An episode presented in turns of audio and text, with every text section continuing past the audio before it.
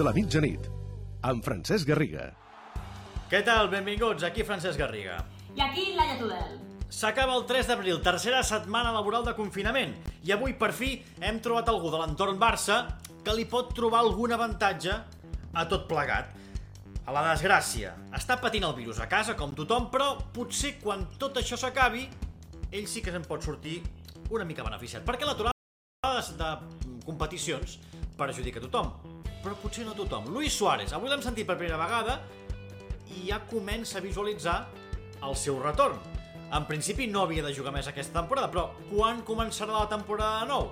Potser llavors Luis Suárez ja serà al terreny de joc. Per tant, per fi una mica de bona notícia enmig de tanta tristor. Laia, avui per primer cop hem sentit Suárez parlant d'això i de tot el que està passant. Sí, Suárez està confinat com tothom a casa seva a Barcelona, vaja, a Gavà, però des d'allà doncs, ha concedit una entrevista a l'Uruguai, a la ràdio Esports 890, i ha parlat d'aquesta recuperació, perquè quan va començar el confinament ell li va agafar en plena recuperació l'operació del genoll. És cert que en principi les bones previsions deien que havia de tornar entre finals d'abril i principis de maig i potser el tram final podia ajudar l'equip, però clar, ara com deies, doncs, eh, quan es reprengui la competició, sigui quan sigui, segur que Suárez estarà a disposició de tot l'equip i els podrà ajudar. En aquesta mateixa entrevista, Suárez el que ha fet és posar veu al comunicat que va fer Messi i tota la plantilla del futbol de la rebaixa de, de sou, on lamentaven la gestió que havia fet el club d'aquesta decisió, sobretot a l'hora de posar el focus sobre els jugadors del primer equip de futbol. Nosotros no habíamos llegado a un acuerdo porque estábamos esperando de buscar la mejor solución para el club y en beneficio de nosotros y después tratando de, de ayudar a los empleados también, ¿no? que una parte la estaba pasando mal por lo que se había generado todo acá.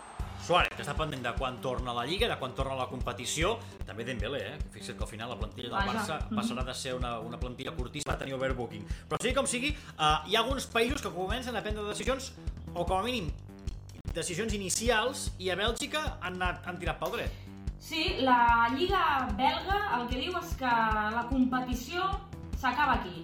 Ja no, ja no hi haurà més Lliga. Com a mínim és la, la proposta que fa. Falta, evidentment, que això es confirmi i s'aprovi a l'assemblea que farà la, la Lliga belga la setmana que ve, però vaja, sembla que l'assemblea també aprovarà. Per tant, la Lliga en la jornada 29 quedaria acabada i això vol dir que els que són líders ara de primera i segona divisió serien els campions. En el cas de la primera divisió belga seria el Bruges.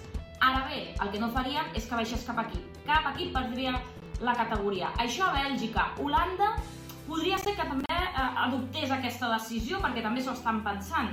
Hi ha països que comencen a veure que potser aquesta serà la solució per aquesta temporada. La Premier, per exemple, aquesta tarda, el que ha fet és dir que de moment congelen la competició i ja no posen dia de retorn. Què ha fet la UEFA? Reaccionar ràpidament.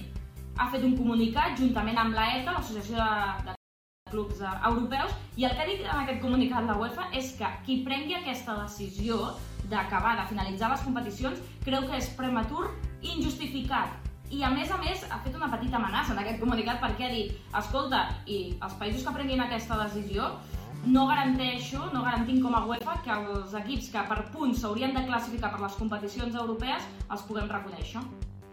Tot plegat ha començat a Bèlgica. Allà hi tenim un català. És l'Aleix Garcia, havia jugat al Girona, al City. Aquesta temporada jugava, o juga, al Muscron. Ens dona, dona la seva opinió.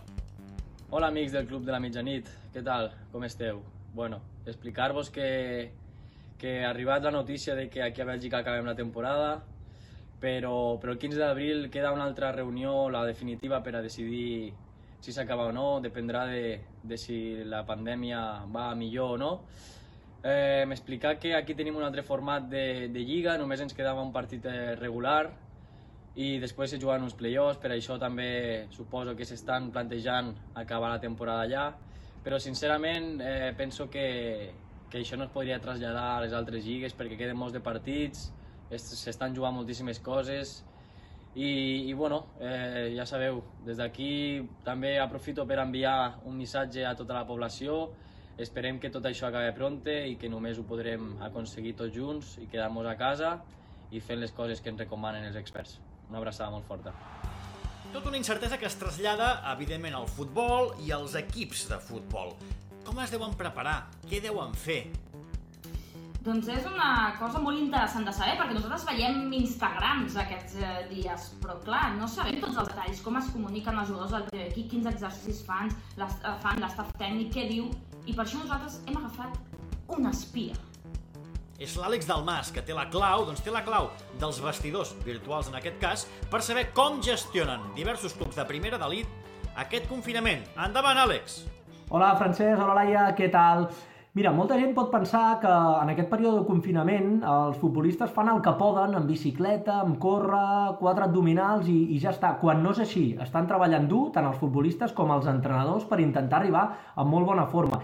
I en, durant els propers dies al programa us intentaré anar acostant tota aquesta sèrie de mètodes, de coses que fan controlant, sobretot les idees imaginatives, perquè físicament tots tenen planning molt ben pautats i individualitzat, fins i tot. Avui comencem per Osasuna. Aniré parlant amb més companys que juguen al, al futbol professional, amb més companys també que ara són entrenadors per tal de que eh, em diguin tot això.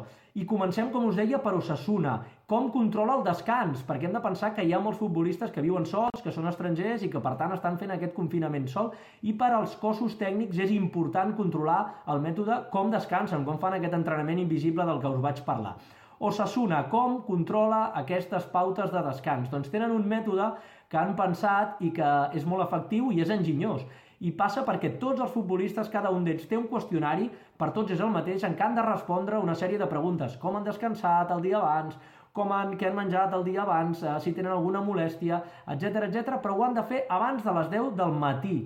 Si algun futbolista no ho fa abans d'aquesta hora, té multa, una multa que va al pot comú. D'aquesta manera, el cos tècnic, els entrenadors s'asseguren que hagin descansat bé, que no hag- hagin anat a dormir molt tard i que tampoc s'aixequin molt tard, amb la qual cosa es desquadri una mica a l'horari d'entrenament.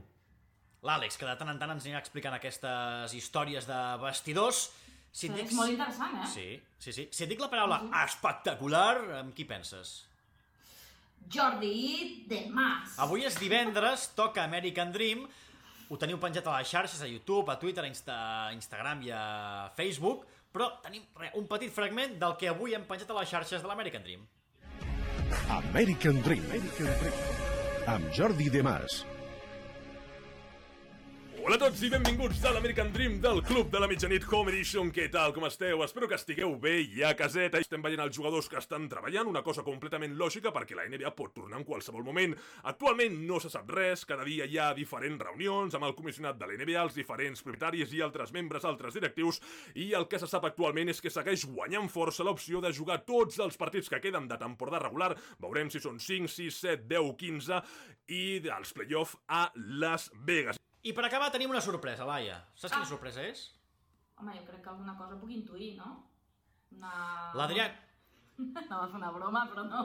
No una de Pasqua, dic, perquè ja són vacances de, de Pasqua, però no. No, no hi ha mona per tu, reina. Uh, el que hi ha és l'Adrià Coromines, que és un dels nostres membres de l'equip, que, entre altres coses, s'encarrega de les xarxes socials. A partir d'avui, cada divendres ens llançarà un repte. Atenció, perquè aquest és el primer repte de l'Adrià Coromines. Què tal? Doncs el repte que us plantegem des del Club de la Mitjanit per aquest cap de setmana consisteix en trobar l'11 de jugadors més bruts, més agressius, més contundents, més guarros, digueu-ne com vulgueu, de la història del futbol. Com ho farem?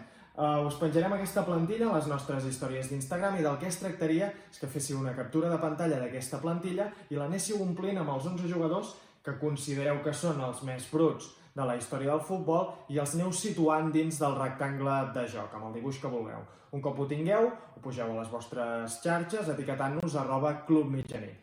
Perquè aneu agafant idees, us deixem amb la proposta que ens ha fet arribar un dels col·laboradors del programa, amb Sergio Ramos, amb Pepe, amb Gatuso... Qui és aquest col·laborador i per què s'ha decidit per aquests 11 jugadors? Doncs estigueu atents a les xarxes socials perquè demà al migdia ens ho explica. I fins aquí el Home Edition d'avui. Atenció que dilluns igual canviem una mica el look. Ah, nosaltres, eh? Vols Sí. dir? Tu i jo? Ens rapem? Que estiguin al temps. No. Bon cap de setmana i que tingueu una... Bé, no sé, que feu el que pugueu. Un bon Adéu-siau. confinament. Adéu-siau. Adéu. El Club